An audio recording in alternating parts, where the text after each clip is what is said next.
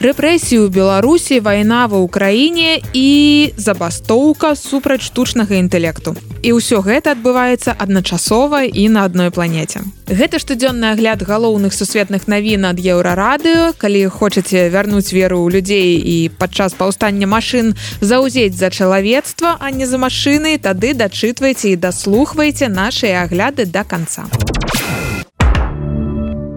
Сёння апоўначы каля 160 тысяч акцёраў пачалі страйк. Яны далучыліся да сцэнарыстаў, якія пачалі страйкаваць нашмат раней. І так атрымаўся найбуйнейшы за 60 гадоў кінастрайк піша BBC. Дарэчы, такой падвойнай забастоўкі, калі выходзяць і сцэнарысты і акцёры не было з 1960 -го года, калі акцёрскую гільдыю узначальваў Рональд Рэйган. Гэта было задоўга да таго, як ён узначаліў усе злучаныя штаты Амерыкі.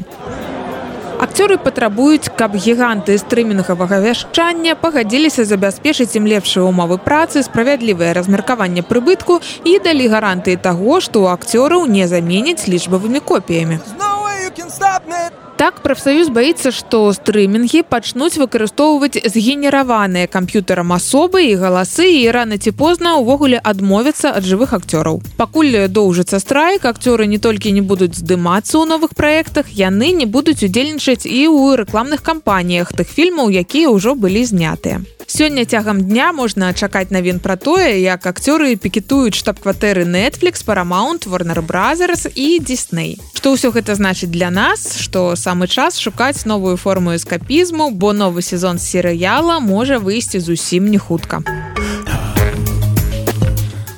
А другі сезон пратэсту ў Ізраілі супраць скандальнай судовай рэформы ўжо выйшаў. І на гэтым тыдні десяткі тысяч дэманстрантаў адправіліся на вуліцы, каб сказаць, што яны думаюць пра планы ўрада ўсё ж правесці гэтую рэформу. Гэтая судовая рэформа ў цэлым пакет законаў, якія дадуць ізраільскаму парламенту і адпаведна кіроўным партыям большы кантроль над судовай сістэмай Ізраіля піша CNN. Прэм'ер-міністр Беньямін Нетаньяху яго саюзнікі называюць тое, што адбываецца менавіта рэформамі і заяўляюць што яны неабходныя для пераразмеркавання паўнамоцтваў паміж судамі заканадаўцамі і ўрадам. Але праціўнікі плана кажуць што ўсё гэта можа ператварыць Ізраіль у дыктатуру.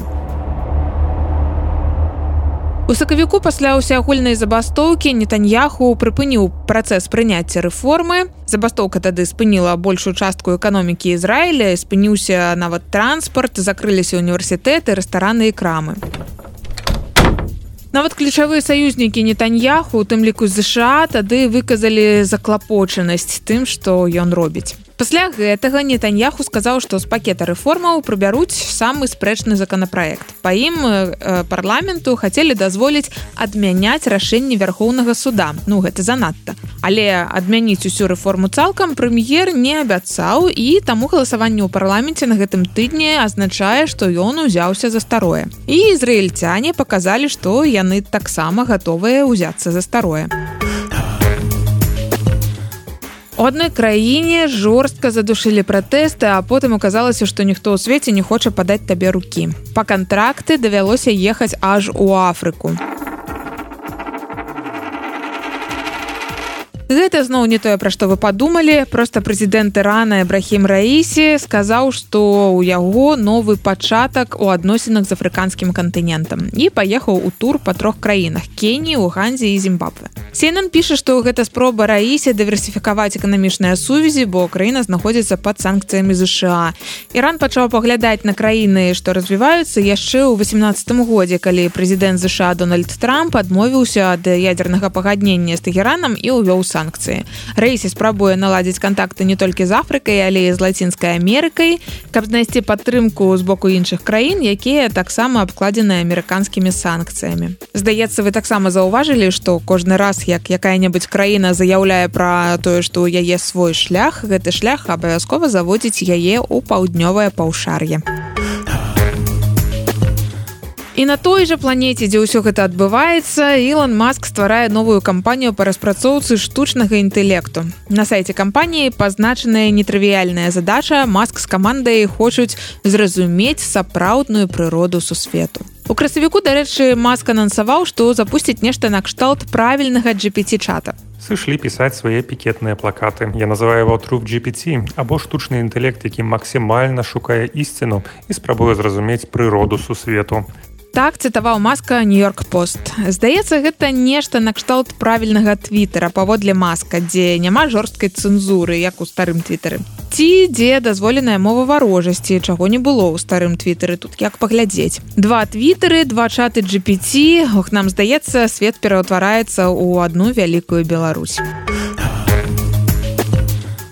Томас і Нэнсі скончылі школу 60 гадоў таму і мусілі пабачыцца на вечары выпускнікоў. І тут Томас сустракае Нэнсі ў аэрапорце і робіць ёй прапанову рукі і сэрца. Прайшло 60 гадоў, як мы ўпершыню сустрэліся.